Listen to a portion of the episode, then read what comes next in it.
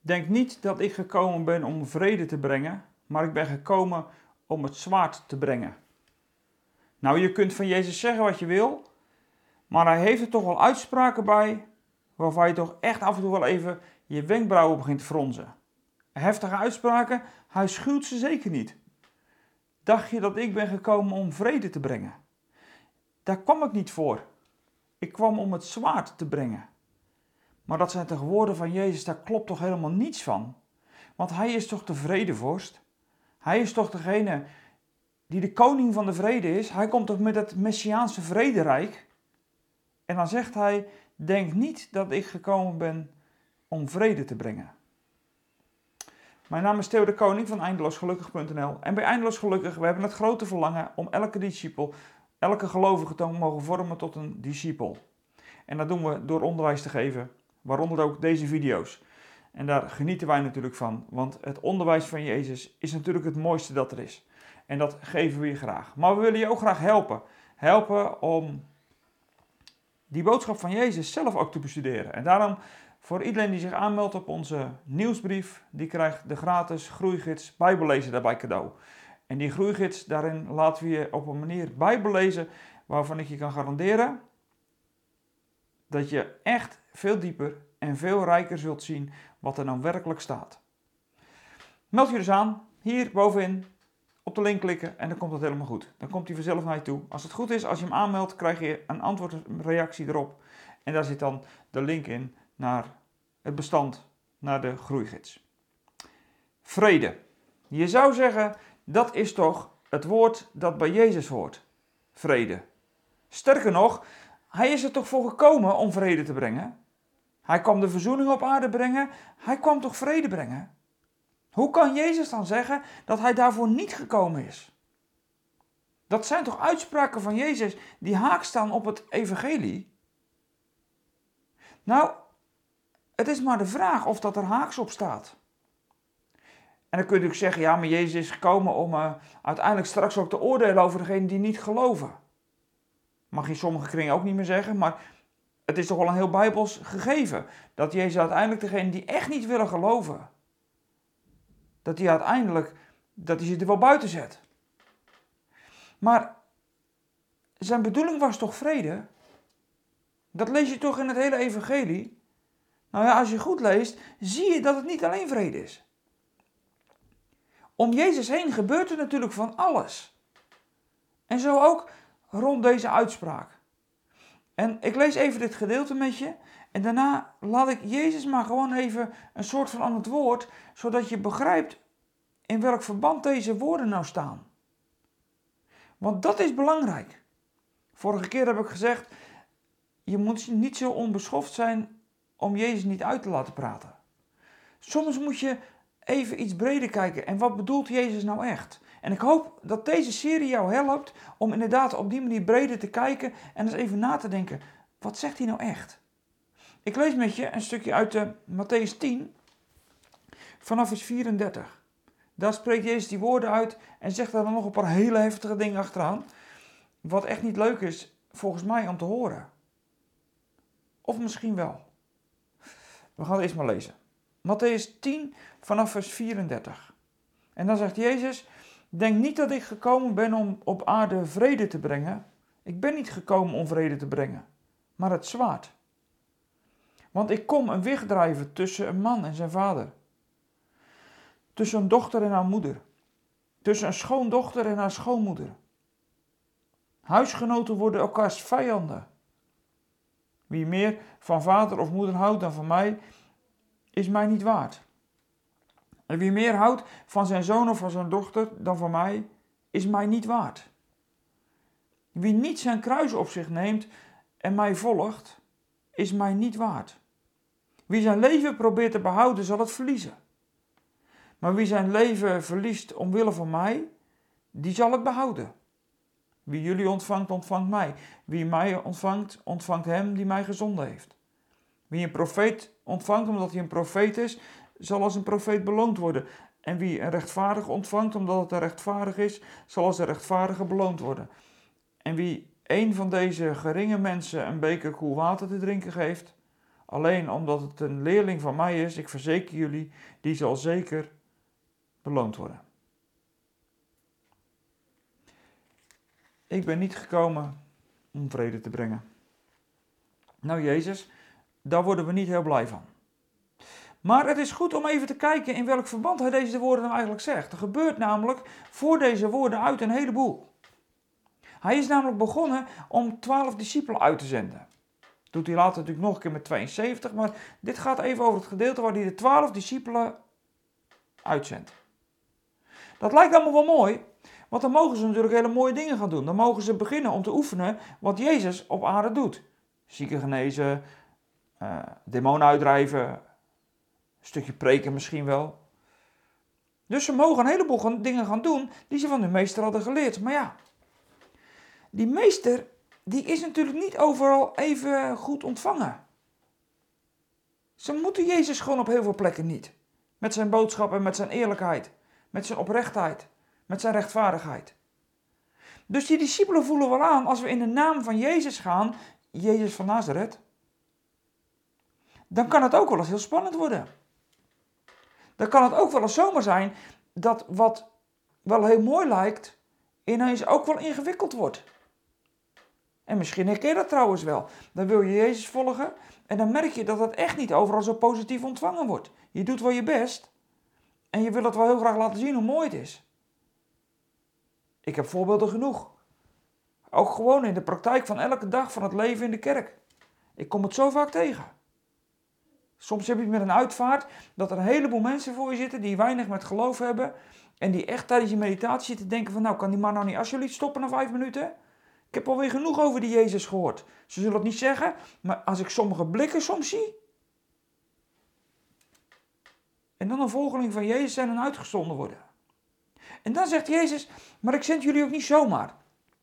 Ik zend jullie als schapen in het midden van de wolven. Nou, als er nou een schaap, en dat is natuurlijk heel actueel in Nederland, want de wolf is in Nederland gekomen, dus ja, we kunnen het ons allemaal voorstellen.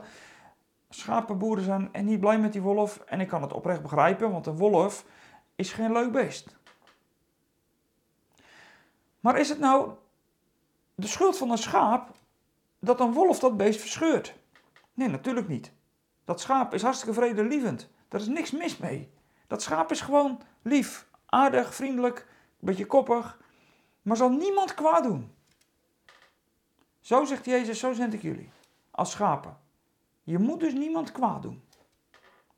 Ja, ja, en die wolven, nou, die hebben een karakter, die willen verscheuren en moorden. Dat ligt niet aan het schaap, dat ligt aan het karakter van die wolf. En zo, zegt Jezus, zend ik jullie deze wereld in. En dan kun je zeggen dat zijn de twaalf, maar dat geldt natuurlijk ook gewoon voor jou en voor mij. Oké, dat is duidelijk, Heer. Dat begrijpen we. Ze zitten niet overal op ons te wachten. Precies, zegt Jezus dan. Maar, zegt hij, je moet niet bang zijn. Als slepen je voor het gerecht, niet bang zijn. Je moet wel je verstand blijven gebruiken. Wees wijs. Wees listig als de slangen. Maar doe behoedzaam. Doe geen dingen die niet per se nodig zijn. Maar volg mij wel. Want als je mij niet volgt. En als je uiteindelijk mij verloochent. Dan verlogen ik je ook bij de Vader. Als je mij uiteindelijk niet wil volgen. Dan ben ik ook wel tegen je. Maar wees niet bang. Zelfs de haren op je hoofd zijn geteld. Nou, dan is God bij de een eerder uitgeteld dan bij de ander. Bij mij eerder. Ik heb er niet zoveel meer. Maar ze zijn wel allemaal geteld. Hoeveel of hoe weinig er ook zijn. En er valt er geen één van op de grond zonder dat God het wil. Je verliest niet één haar zonder de wil van God. Als dat nou wel zo is, hoeveel dan de rest van je leven? Nou, weet je, zegt Jezus, wees dus niet bang. Dat is de context van het verhaal waarin Jezus deze woorden schrijft. En zegt, als hij zegt, ik ben niet gekomen om vrede te brengen, dan gaat het dus om deze realistische situatie. Je brengt de naam van Jezus ergens en dan? Dan blijkt je een schaap te zijn midden tussen de wolven. Dat is lastig, want die hebben het op je leven voorzien. En dan zegt Jezus, als je dan niet bang bent, dat hoeft niet. Je moet ook niet denken, zegt Jezus, dan dat ik ben gekomen om vrede te brengen. Ligt dat aan Jezus? Um, nou, nee. Want wat komt Jezus nou doen op deze aarde? Hij wil iedereen op aarde met God verzoenen. Hij doet alleen maar goed. Dus aan Jezus ligt het niet zozeer. Nou ja, oké. Hij is af en toe natuurlijk wel goud eerlijk. Als er onrecht is, dan zegt hij het. Als er situaties zijn waarin Jezus echt zegt van ja, hallo, maar dit mag niet, dit is niet de bedoeling, dan wordt hij niet altijd gewaardeerd. Dus Jezus die zegt, ik ben niet gekomen om vrede te brengen, brengt soms ook een boodschap die mensen wel echt triggert. Nu komen deze woorden van Jezus, is een citaat uit Micha 7. En in Micha 7 gaat het over, globaal gezien, even over twee kanten. Jezus, dan, dan, dan heeft Micha het over het oordeel dat gaat komen voor degenen die niet geloven en uiteindelijk het oordeel van God zullen ontvangen en buitengesloten zullen worden. Die kant, zeg maar. En aan de andere kant, als het over de Messias gaat die komt, dan komt hij niet alleen maar om te oordelen, niet alleen maar om uiteindelijk de twee partijen te scheiden, de gelovigen en de ongelovigen, maar hij komt ook dat waar die dan komt, ontstaat verdeeldheid. En dat laatste gedeelte uit Micha 7, daar, heeft Jezus het hier over. Hij heeft het hier niet over het eerste, over die oordeelsdag spreekt hij later nog wel, maar hij heeft het er hier over, als hij komt, dan zal er verdeeldheid komen. Dan zullen er zijn die hem achterna lopen en er zullen er zijn die tegen hem zullen zijn. Jezus zegt op een gegeven moment, als je niet voor me bent, dan ben je tegen me. Hij draait hem ook wel eens om. Als je niet tegen me bent, dan ben je voor me. Maar er zal dus iets gebeuren waar Jezus komt. Nou, zegt Jezus, als je nou denkt dat ik gekomen om vrede te brengen, heb je het mis. Want ik ben ook gekomen om het zwaar te brengen. En dan haalt hij bij zichzelf vandaan. En dan begint hij te vertellen wat dat in de concrete situatie van jouw leven als discipel, wat daar de concrete situatie in kan ontstaan. En wat kan er dan ontstaan in die concrete situatie? Dat mensen niet meer hoeven. Nou ja, dat kan. Het is lastig hè, afwijzing. Zeker, dat is echt lastig. Dat doet pijn. Dat doet ook emotioneel iets met je. Daar kan je emotioneel zelfs onder lijden. Ik kan er nog meer over zeggen, maar afwijzing is niet fijn. Alleen Jezus houdt het niet ver bij je vandaan. Kijk maar gewoon mee wat hij zei. Ik ben gekomen om weg te drijven tussen een man en zijn vader, tussen een dochter en haar moeder, tussen een schoondochter en haar schoonmoeder, en huisgenoten zullen elkaars vijanden zijn. En gebeurt dus zelfs heel dicht bij jou, in jouw directe omgeving, iets als je Jezus begint te volgen. En weet je, we kennen toch allemaal die voorbeelden. Die voorbeelden dat een man tot geloof komt of een man helemaal aangeraakt wordt door God en een vrouw niet. En dat die vrouw heel vaak tegen die man zegt: Jij altijd met je geloof? Schijn nou toch eens een keertje uit. Moet het nou altijd over Jezus gaan? Of het kind dat tot geloof kwam, zich laat dopen en helemaal in de Heer is. En dat de ouders zeggen: Kan het nou niet een beetje minder? Man, je bent nog jong, doe normaal. Of kinderen die als hun moeder overlijdt of hun vader overlijdt, zeggen van ja, hij was altijd zo met dat geloof bezig, nou daar hebben wij niks mee hoor. En je voelt de vijandschap in de stem van degene die het zegt. We kennen allemaal die verhalen. Maar ze zitten ook veel dichter bij je. Want hoe meer jij de naam van Jezus begint uit te dragen en uit te leven, er ontstaat dus weerstand. Dat heeft niks te maken met dat Jezus niet vredelievend genoeg is. Dat heeft er ook niks mee te maken dat jij niet vredelievend genoeg bent. Maar dit is de realiteit van het evangelie. Het evangelie is in zichzelf een zwaard. En het maakt scheiding. Het evangelie zorgt voor partijen. Kan honderd keer zeggen wat niet moeten willen, maar het is de realiteit van het evangelie. Er zijn er die het geloven en omarmen en er zijn die het, en er, zijn er die het zullen haten. Er is eigenlijk niet iets tussen. Nou ja, het lijkt wel zo, maar op de grote lijn kun je maar twee kanten hebben. Of voor of tegen. En het gekke is dat degenen die tegen zijn altijd de strijd zullen zoeken. Ja, ik weet het. Sommige religieuze mensen die zoeken die strijd ook wel eens. Maar als je echt een discipel van Jezus bent, dan ben je niet op zoek naar die strijd om die gelijk te halen. Want wat is het voorbeeld van Jezus? Dat de minste de meerdere dient. En dat het in het koninkrijk van Jezus niet over heersen gaat, maar over dienen. Het gaat over dienend koningschap. Het gaat om een dienende meester. Die zelfs de voeten van zijn discipelen zal wassen. Dus dat is zo vredelievend als wat. En toch komt de scheiding. En daarom zegt Jezus: Denk niet dat ik gekomen ben om vrede te brengen. Ik ben gekomen om het zwaard te brengen. En niet dat Jezus dat zwaard is. Niet dat Jezus erop uit is om dat te doen. Maar zijn boodschap functioneert als een zwaard. En snijdt de partijen in tweeën.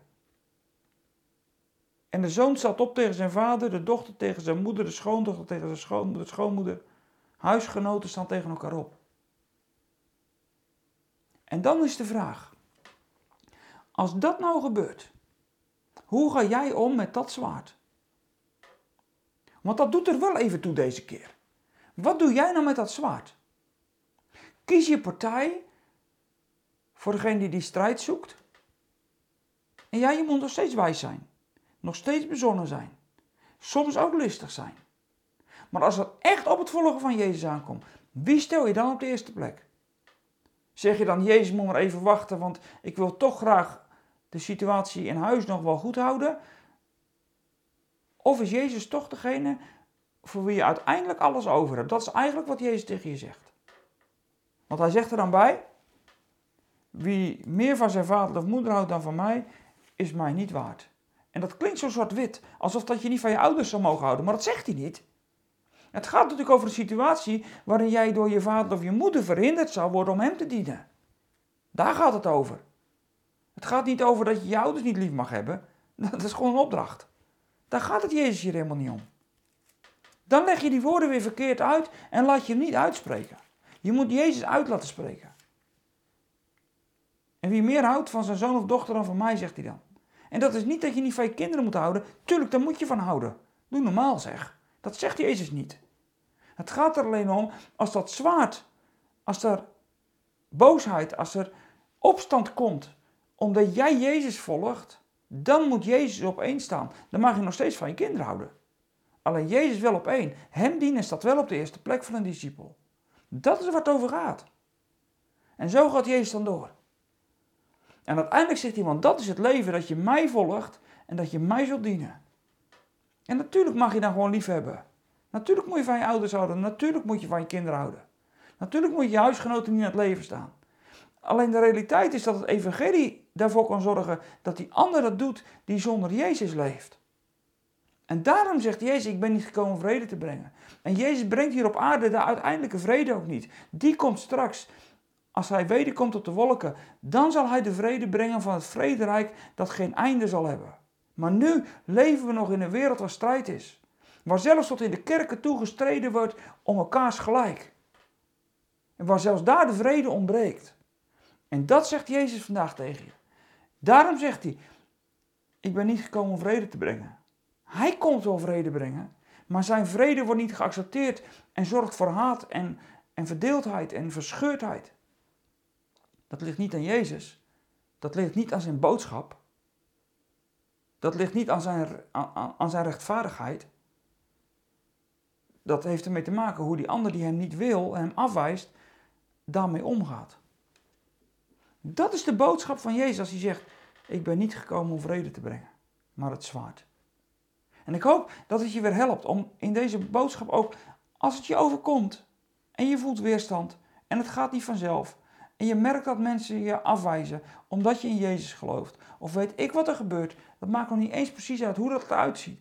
Maar schrik er nou niet van. Kijk er niet raar van op. Het hoort gewoon bij het volgen van Jezus. Daarmee neem jij jouw kruis op en leg je jouw leven af en kies je ervoor om zijn leven te leven. En als we dat nou met elkaar doen, dan zullen wij met vrede altijd klaarstaan. Net als Jezus. Zullen we eerlijk zijn als het onrecht is. Zullen het onrecht aan de kaak stellen, maar tegelijkertijd gericht op vrede. Want de koning van ons is nog steeds de koning van de vrede. Dat zijn vrede en zijn fantastische boodschap van heil en redding haat brengt bij degenen die hem niet hoeven, dat zegt niks over hem. Dat zegt iets over hen. En het laat iets zien hoe groot die boodschap is, zodat het rijk van de duisternis op allerlei manieren dat probeert kapot te krijgen. Neem deze boodschap mee, deel hem met anderen. En ik ben blij dat je weer gekeken hebt. Fijn, dat is goed. Neem het mee, deze boodschap. Deel hem daarom ook met anderen. Omdat we weten dat deze boodschap ook belangrijk is. En dat evangelie delen, een discipel van Jezus zijn, echt niet altijd vanzelf gaat. Ook daarom deze boodschap en deze woorden van Jezus. Dankjewel voor het kijken. Geef even een blauw duimpje als je op YouTube hebt gekeken. Vinden we wel fijn. Dan wordt de video ook weer wat beter gevonden. Reageer ook rustig in de comments. Als nodig is, als je er is zat, reageer ik er ook alweer op terug. En anders, reageer maar gerust. Je mag best wel dingen zeggen. We zullen plaatsen als het uh, gewoon uh, op een normale manier, op een vriendelijke, liefdevolle manier gebeurt. Dat is allemaal goed. Fijn. En als je ons financieel wil steunen, wil het alsjeblieft doen. En ons financieel ook helpen om uh, ditgene wat te doen, voor te kunnen blijven zetten. Er tijd voor te vinden, tijd voor te maken. En als je ons al steunt, heel erg bedankt voor je steun die je ons al geeft. Voor nu zou ik zeggen, genoeg, denk er maar over na, neem het mee en tot volgende week.